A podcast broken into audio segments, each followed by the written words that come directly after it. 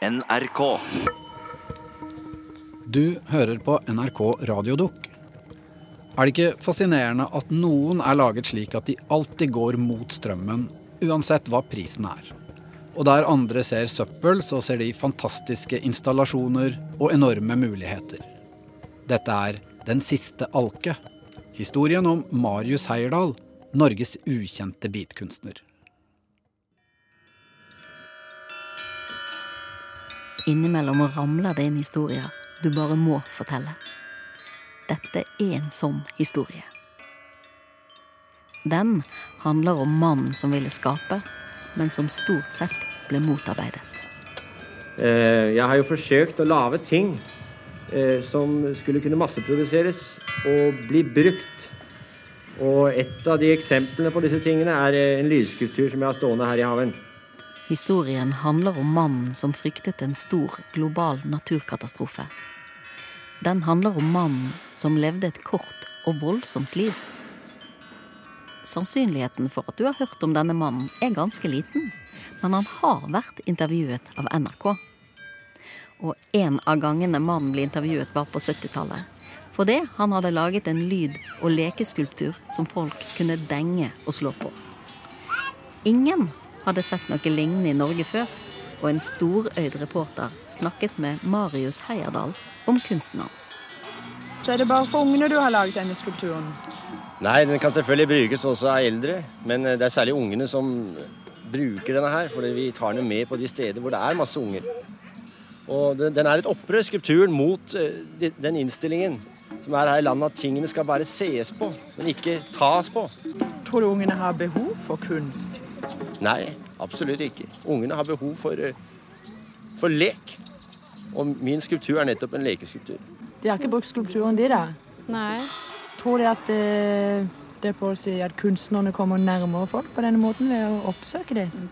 Ja, det gjør de sikkert. For det blir ikke til at vi går til dem. Dersom du er fra Kristiansand, har du muligens hørt om Marius Heyerdahl før. Uansett, dette er den mest kjente historien.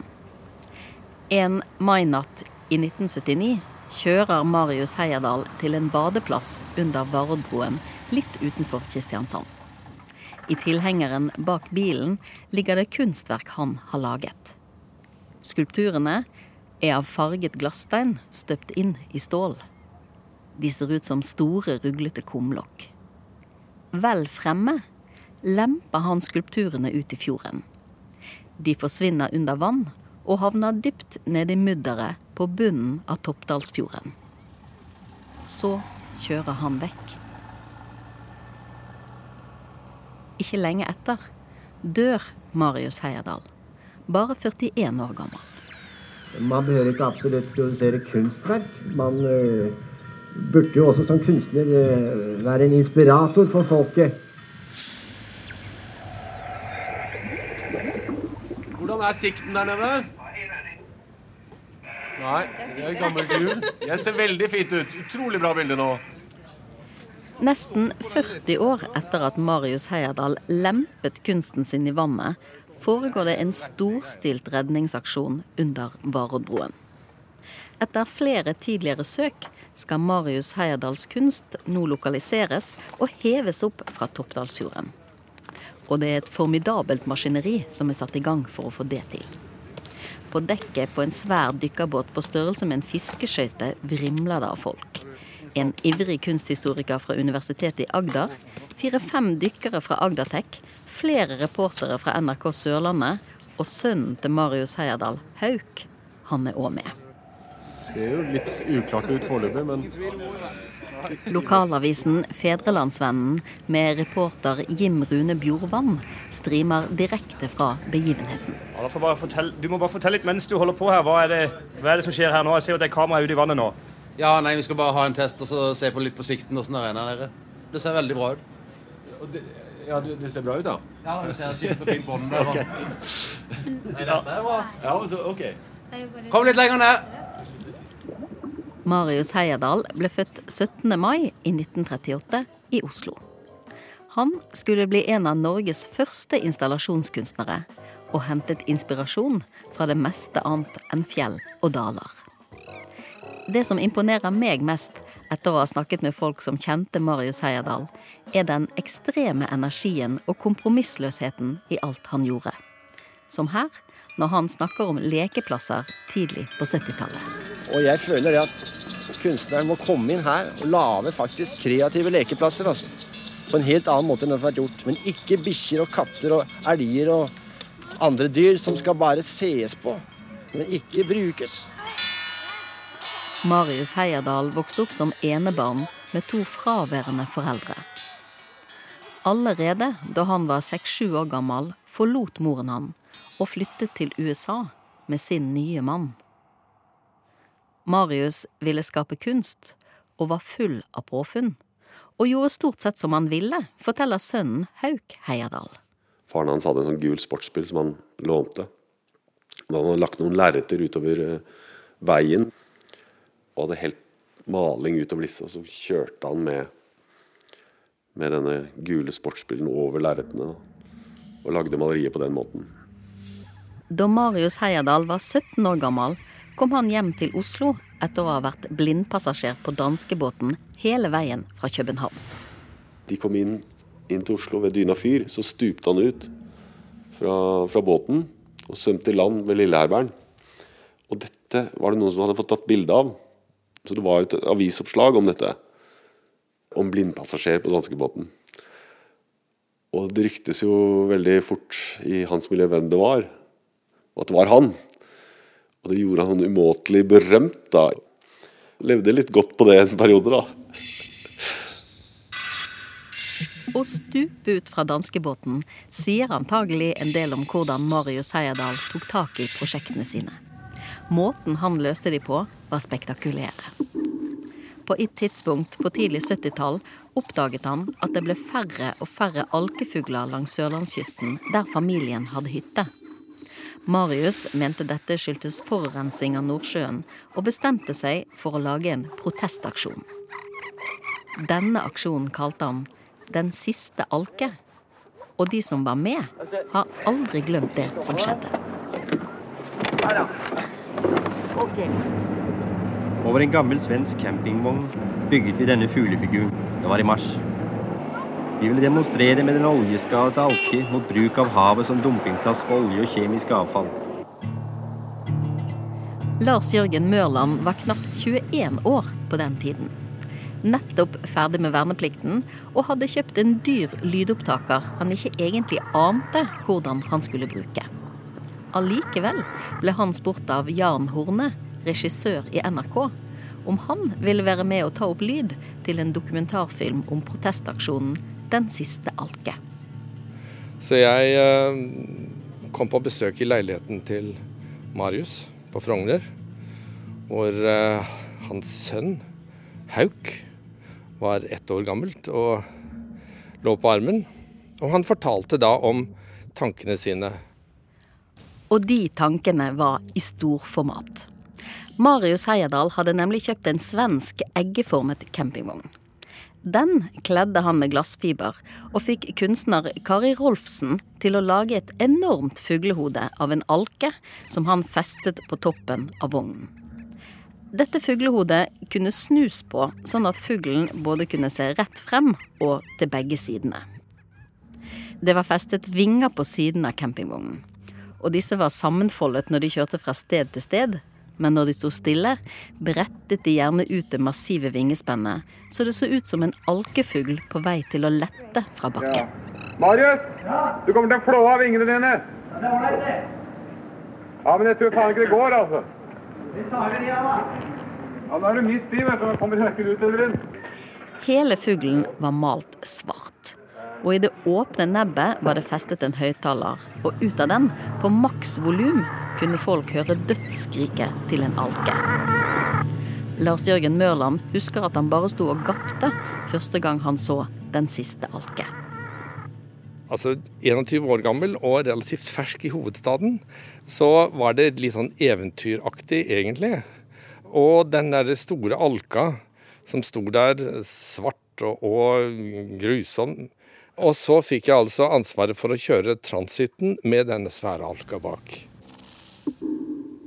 Men før alt dette, før han bygde den siste alke, før han skulle få elendige kritikker, før han ødela nesten all kunsten sin og kastet den i fjorden, før alt som skulle komme, møtte Marius Heierdal kjærligheten.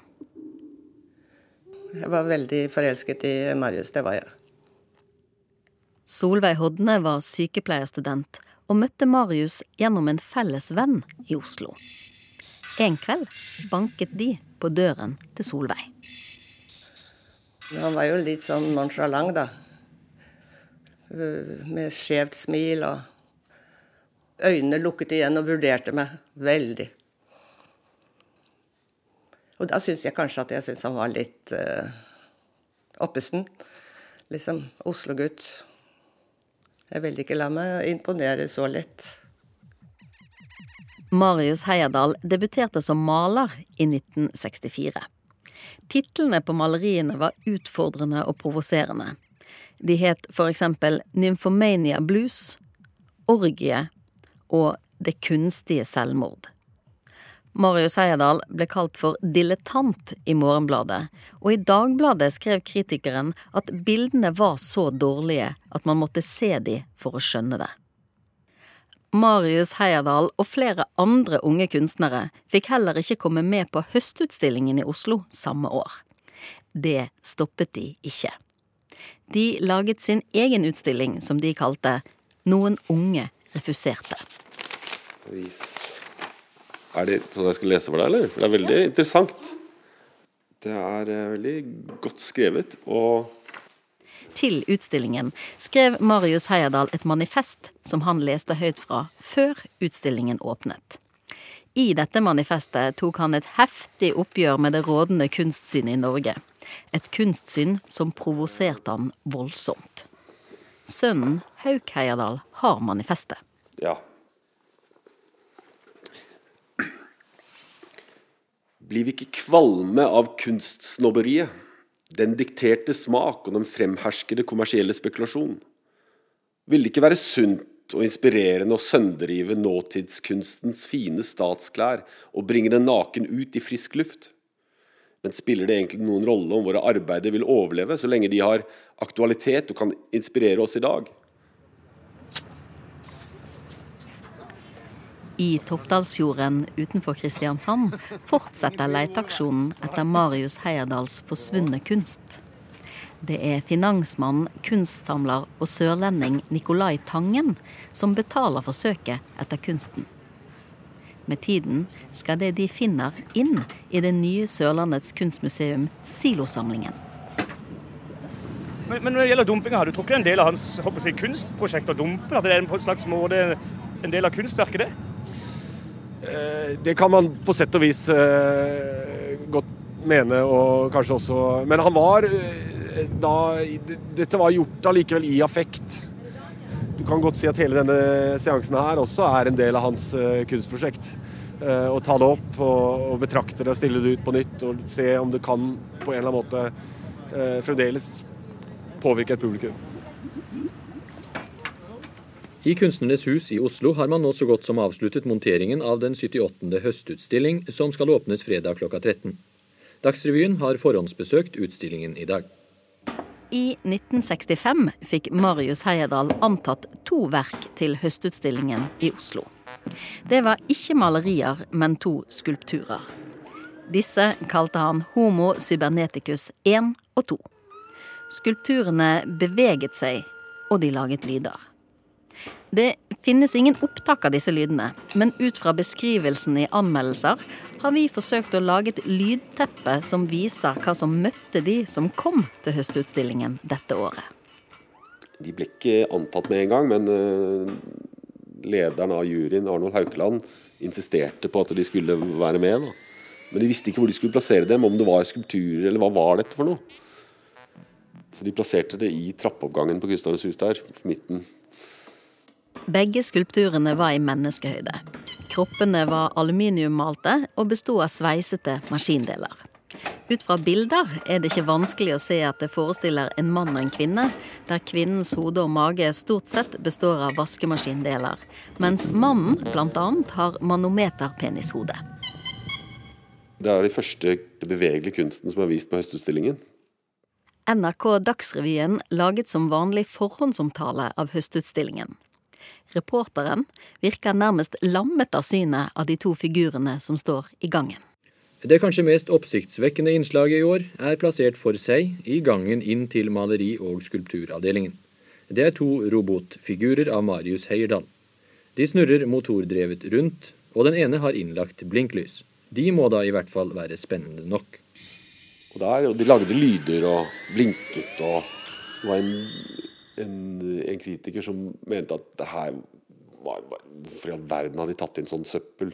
Og ikke bare det. De lagde jo lyder og forstyrret eh, når du gikk rundt og så på den andre kunsten. Det var jo hele poenget med, med verket. var det. Det her, ikke sant? Det skulle eh, høres og, og synes. Det haglet med negativ kritikk. Men det skulle mere til enn dårlig kritikk for å få Marius Heierdal til å slutte å skape. Det var stadig nye ting han fant på. Blant annet det med lydskulpturer. Og det å stille ut han hadde, han hadde fått tak i et skjelett. Også et kranie av må ha vært sau. Det er Lucifer. Eh, dette kuskjelettet som er spraymalet i sølv, som holder en lampe i, i høyre hånd og en høyttaler i venstre hånd. Og øynene var to røde lyspærer. Og det hadde vi hjemme i leiligheten, og vi brukte det som juletre.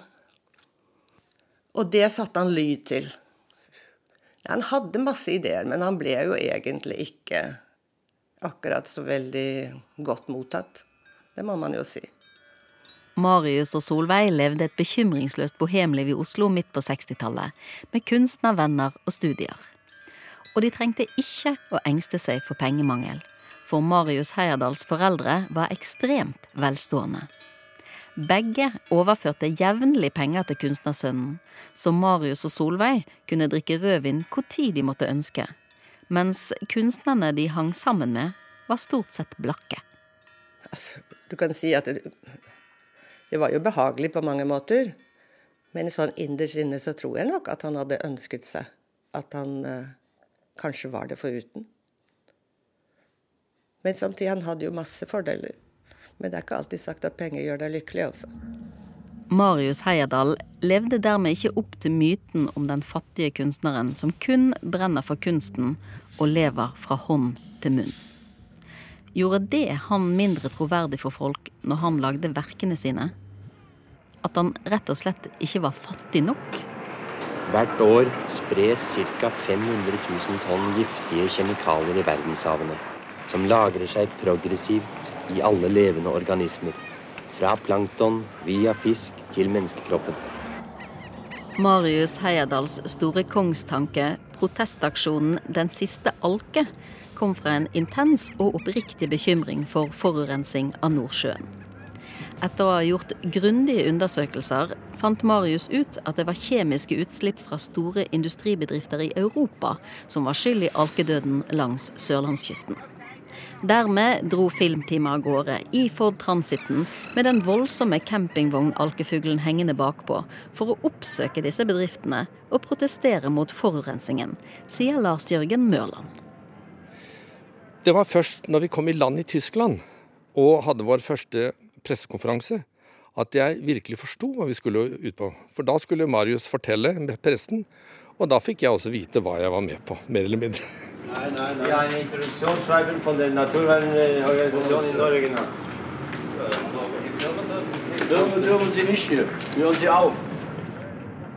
Marius var jo energi, ikke sant? Han hadde jo lynende øyne. Uh, og, og, et utrolig, nesten hypnotisk uh, tak på de han snakket til. Og med den inderligheten så falt jo de her pressefolka foran. Absolutt. Men industrilederne falt ikke akkurat pladask når Marius og filmteamet kom kjørende.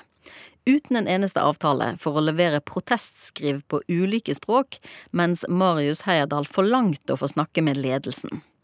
De grusomme klagende lydene på full styrke fra nebbet til alken virket nok heller ikke blidgjørende på bedriftslederne.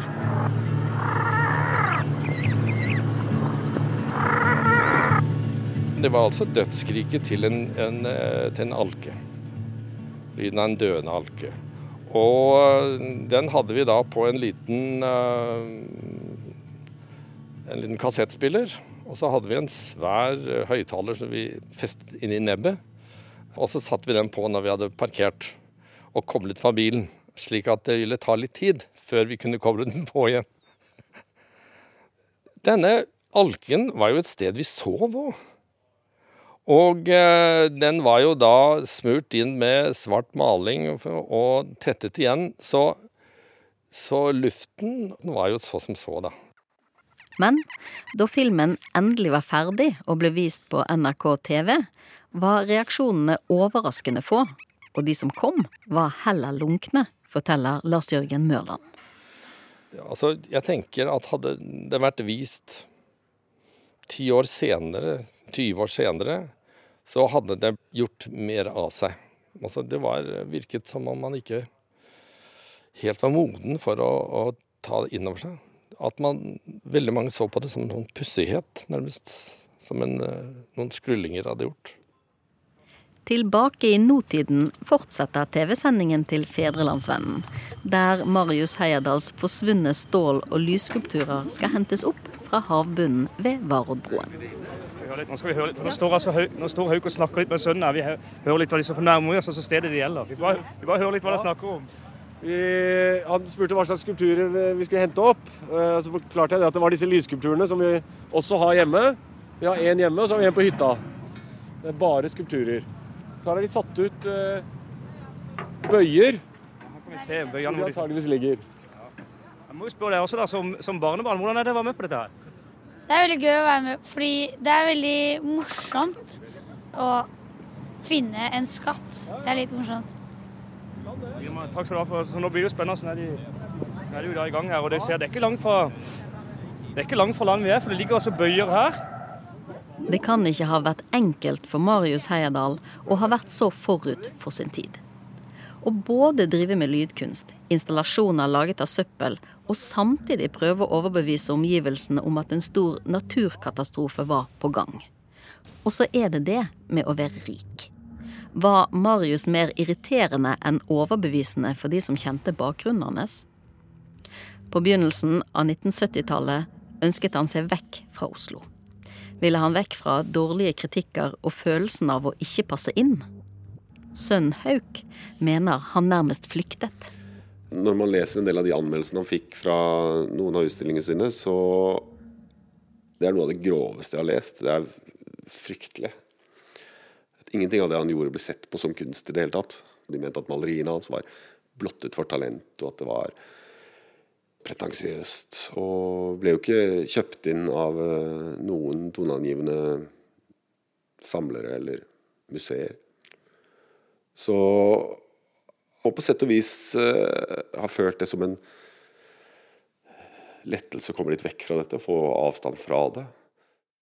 Marius Heierdal bestemte seg på et tidspunkt for å leve selvstendig og klare seg sjøl, og sa derfor nei til å få mer penger og økonomisk støtte fra familien. Han brant for eksempel opp en sjekk på 10 000 kroner fra morfaren. En sum som i dagens verdi ville vært rundt 120 000 kroner. Så når han og Solveig skal ha sitt tredje barn, drar Marius på husjakt langs sørlandskysten. Så han reiste ned og fant et hus og sa til meg nå har jeg funnet huset, vil du bli med? Marius Heyerdahl hadde bestemt seg. Han ville at familien på snart fem personer skal bosette seg i Kristiansand. Han vil se havet og ha bedre plass. Trodde Marius at det skulle bli lettere å passe inn der? Han bare ga meg et ultimatum. Jeg reiser ned. Får du bli med? Og da når jeg kom ned der med flyttelasset, Da var han på Han hadde noe utstilling i, i, eh, på Luciana sammen med noen andre, så han var jo borte. Og jeg satt jo der med to unger og gravid og et flyttelass. En stund etter at den yngste datteren var født, begynte Solveig å jobbe skift som sykepleier på sykehuset i Kristiansand. Marius fortsatte å lage kunst. Han jobbet med prosjektene sine i garasjen ved siden av huset, og tok seg innimellom småjobber for å spe på inntekten. Da begynte jeg å jobbe mer, og så fikk jeg en ledende stilling. Jeg var nok veldig mye borte. Og så, akkurat i den tiden så ble også min mor syk. Så jeg måtte jo liksom ofte hjem hver helg for å hjelpe mine søstre. Så han var veldig mye alene før han, uh, før han ble syk, da. Så det Det er sånn som man vet etterpå. Mens Solveig jobbet, stelte Marius hjemme for de tre ungene. Han sto opp tidlig, slang seg aldri på sofaen for å slappe av, og var opptatt av sunn og næringsrik kost. Men det var umulig å vite når maten kom til å stå på bordet, og ikke minst hvilken forfatning maten var i, forteller Hauk Heierdal. Da, da, var jeg syv eller noe sånt. Han hadde lagd spagetti, og så hadde vi en sånn stor skål med knappenåler stående over komfyren. Som han hadde greid å velte opp i spagettibollen med kjøttsaus og knappenåler. Det var jo ikke aktuelt å kaste dette. Så han plukket jo vekk nålene som best han kunne, og serverte da meg og søsteren min, øh, mine to søstre. Jeg hadde en som var fire år eldre, og en som var tre år yngre. Og serverte dette da. Og da husker jeg jo at vi måtte plukke nåler ut av munnen og liksom legge tilbake. Uh, han satt også rødvin og, og øl. Liksom, og dette sto, rødvin sto på, på kjøkkenbenken. Jeg husker pannekaker med sånn ølsmak i, fordi det lå liksom. Han eh, lagde, lagde mat og, og, kunst, og liksom alt var liksom en sånn røre, da. Men den skulle være sunn. Pølser og hamburger, det fikk jo aldri mine. Og da var det Hedda var over hos naboen, og da spiste de hamburger, og så ser hun på det. 'Spiser dere gift? Det er farlig.' Nei, han var veldig, veldig uh, opptatt av den. Men han var ikke så nøye ellers. Og en annen ting som da han også var veldig opptatt De skulle ikke se på TV. For det, det, liksom, det ødela sinnet deres. Så jeg måtte jo dra ungene inn, for jeg ville se på barne-TV. Så jeg sa kom og se sammen. Ja, men pappa sier at ikke vi skal se. Jo da, nå er jeg her. Nå kan dere se med meg. Og det fremdeles sitter i de. Hun eldste datteren min vet ikke hvordan hun setter på TV engang. Altså, det var uh, sånne ting som å bare At man ikke skulle overforbruke noe som helst. Skulle, vi skulle ikke bruke oppvaskmiddel og den type ting. Dette var jo 3-74. Det skulle man være forsiktig med, og måtte spise opp maten og kaste mat. Det bare skulle ikke skje i vår familie. Han var en morsom person å være sammen med. da, Voldsom, altså. Kunne være helt utrolig brutal og rasende.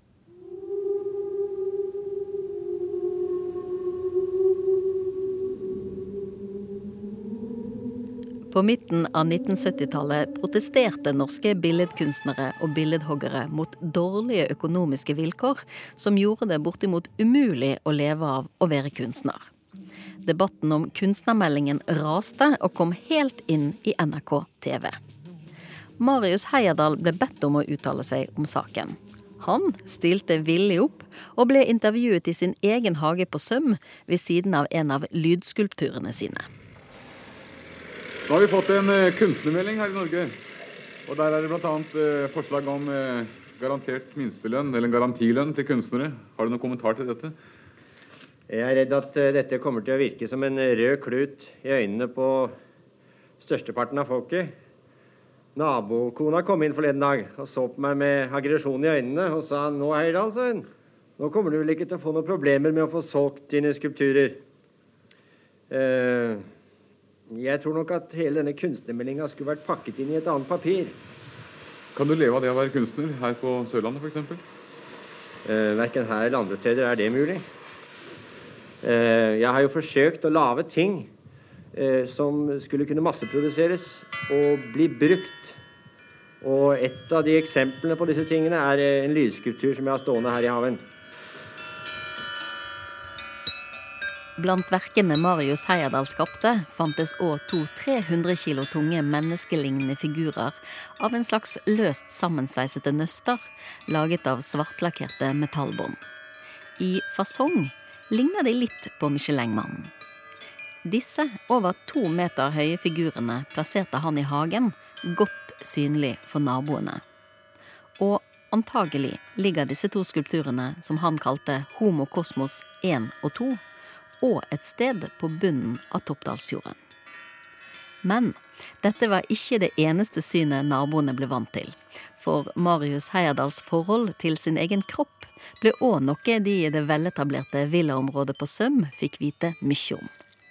Han var jo veldig sporty, sånn å holde seg i form og sånn, så hver morgen han dusjet, så løp han en runde. Så løp han naken, bare med et håndkle, rundt huset. Det var hans morgentrening, da.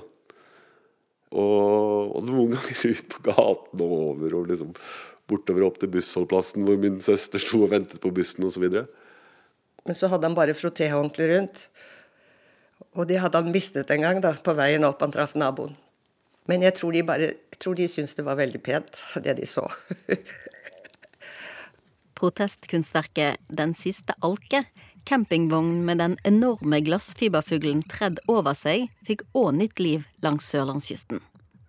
Marius Heierdal fjernet hjulene på campingvognen og plasserte hele kunstverket på en flåte med påhengsmotor. Så sjøsatte de Den siste alke. Dermed fikk familien et nytt feriested. De dro rundt med kjempefuglen og fortøyde den der de hadde lyst, forteller Hauk Heierdal. Her er vi da ute på ser en familie med sånn campingbord på en brygge, og så ligger da den siste alke fortøyd inntil den bryggen. Så henger det litt sånn håndklær over nebbet og på vingen, og barn som leker på brygga. Og her er min, min mor, da. Og med et, ja, med et campingbord og grilling og Det var jo definitivt skummelt å være i den der, der for den, den, den, den var jo ikke ekstremt sjødyktig. Og så parkerte han den uh, rett under Varoddbrua. Og det var, liksom, var jo litt oppstandelse. Vi fikk jo beskjed av politiet om at vi ikke kunne fortøye Alken for nærme veien. Fordi det var biler som veltet, som kjørte ut. Og da jobbet jeg i mottagelsen eh, på Kristiansand sykehus. Og så får vi telefon. Bilulykke på Varadbrua kommer inn med to skadde. Min mor snakket jo med en som hadde fortalt at han hadde sett en stor fugl på vannet og kjørt ut. Da, da forsto vi at det her går jo ikke. Og Da ble hun flyttet opp i hagen vår. Sto den der. Og vi lekte inni den, og vi overnattet der. og Vi tenkte ikke å slå opp telt i hagen. Det var liksom vårt, vår lekestue. Nei, jeg har veldig gode minner fra den. Knytta familien sammen, på sett og vis. Livet for familien kunne ha fortsatt å være en kunstneridyll og fargeklatt i det borgerlige miljøet på Søm i Kristiansand. Men Marius Heyerdahl begynte gradvis å endre seg. Han tolket ting på en gal måte. At han var sjalu. Men uh, ikke, ikke, sånn direkte av noen grunn, men han var generelt sjalu. Solveig var bekymret for Marius. Han hadde en dansk venn. Altså, de dro på en tur sammen. Og da han kom tilbake, da hadde han, han hadde trådd på en sånn fjesing og fått betennelse i foten. Og da var han forandret. Og jeg trodde kanskje det var betennelsen at den som Men eh, da var han på vei inn i det som skulle Han ville ikke på sykehus. Han ville ikke legges inn. Han ble nok litt sånn uh, paranoid. Han var mistenksom, og han sov ikke. og jeg, Som sagt så er jeg sykepleier, så jeg så jo symptomene på, på hva det var. Men da han ville ikke snakke med leger eller psykolog eller noen ting. Nei, han sa jeg stoler ikke på de. Han hadde en venn for mange år siden som ble tvangsinnlagt på Gaustad og aldri kom ut igjen. Og han sa til meg ja, hadde det vært meg, så hadde jeg ikke villet leve lenger.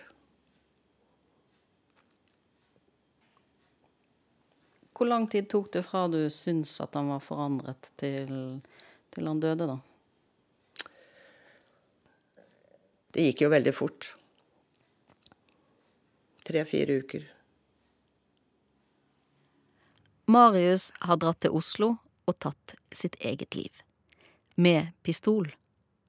Han etterlater seg noen små pappbiter med ordene manisk depressiv og psykiatrisk poliklinikk. Min svigermor ringte.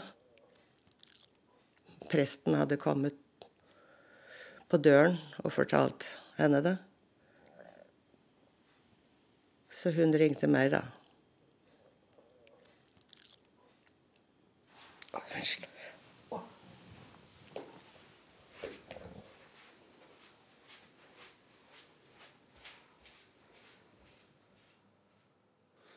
Han må jo ha planlagt akkurat dette selvmordet. Eller han måtte få tak i våpen osv. Mens vi var sånn sånn. Det var min mor som fortalte meg. Eh, jeg kom inn i stuen og så at hun lå på gulvet og gråt, og da måtte hun si det. Hun var forsiktig med å fortelle om selvmordet, eh, at det var selvmord. Jeg husker ikke egentlig hva hun fortalte, men jeg fikk ikke vite det med en gang. Men, men det var ikke så lenge etterpå at jeg fikk vite det. Jeg vet ikke Barn på ni år er på en måte ikke rustet for å ta inn over seg den type informasjon. Så jeg husker ikke så veldig mye om hvordan jeg, jeg reagerte på det.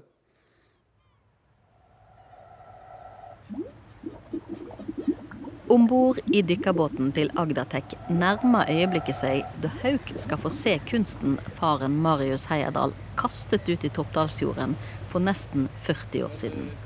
Han skal få heve kunsten opp fra fjordbunnen. Kjenner du pulsen litt nå? Ja, nå har jeg, har jeg høy puls. Uh, Jøss. Yes. Er det de? Ja. Er det de vi ser her? Eller? Nei, det er jo gammelt oljefat. Moderne kunst. Det er ikke så lett å se forskjell på. Det kunne kanskje vært en kunstdag, det òg. Ja. Stemningen på dekk er hektisk og spent. Alle stirrer på Hauk, både åpenlyst og i smug, og reporterne fra NRK Sørlandet og Fedrelandsvennen er plutselig blitt overraskende stille. De eneste som snakker, er dykkerne. Ja vel. Hauk, da, det, da gjør jeg sånn med spagan. dykkerne oppover? Da er oppover, ja. Da gjør vi det. Ja. Ja. Litt til. OK, nå kommer det. Wow! Ja, da stopper du.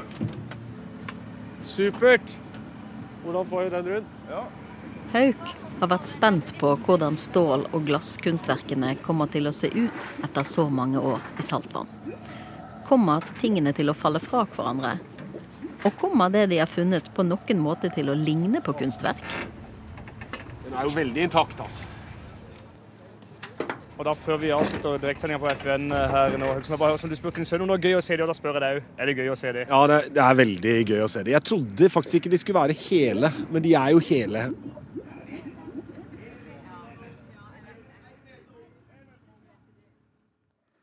Det var en rar opplevelse. Å se disse skulpturene. oppe. Det var på en måte som å åpne graven hans for meg.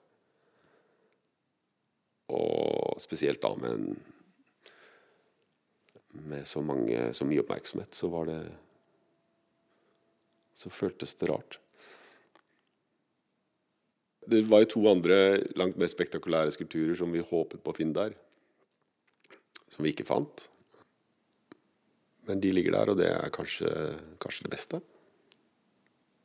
Men hva tenkte du rett før de skulle komme opp av vannet? Jeg tenkte egentlig er dette riktig? Gjør jeg det riktig her?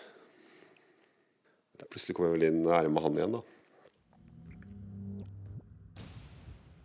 Marius Heierdals kunst er kommet opp fra fjorden og får komme på museum. En absurd tanke farer forbi. Marius, som var så opptatt av forurensning, kastet altså tingene han laget i sjøen for at de skulle forsvinne. Men kanskje han hadde likt at kunsten ble hevet i et miljøperspektiv? Moderne kunst provoserer ikke på samme måte som før. Men mye i verden kunne nok vært annerledes dersom vi hadde lyttet til det Marius Heierdal egentlig forsøkte å fortelle oss i 1971, da han protesterte mot havforurensning med Den siste alke. Ja, nå er vår lille naive ferd over. Med den siste oljeskadde alke seiler vi inn i den norske skjærgård. Som en dråpe i havet var vel det vi hadde å fare med mot regjeringers maktspill og industrigigantenes konkurransegalskap. Men enten det nå gjelder faren ved eventuelle blowouts fra oljeplattformen i Nordsjøen, sur nedbør fra de overbefolkede industrilandene i Nord-Europa, eller utslipp av kvikksølv, tungmetaller og hydrokarboner i våre egne fjorder, så er det vårt alles ansvar å protestere. Men enda er ikke det å protestere nok i seg selv. Vi må ta vårt eget daglige forbruk opp til revisjon. Bare da har denne filmen en misjon.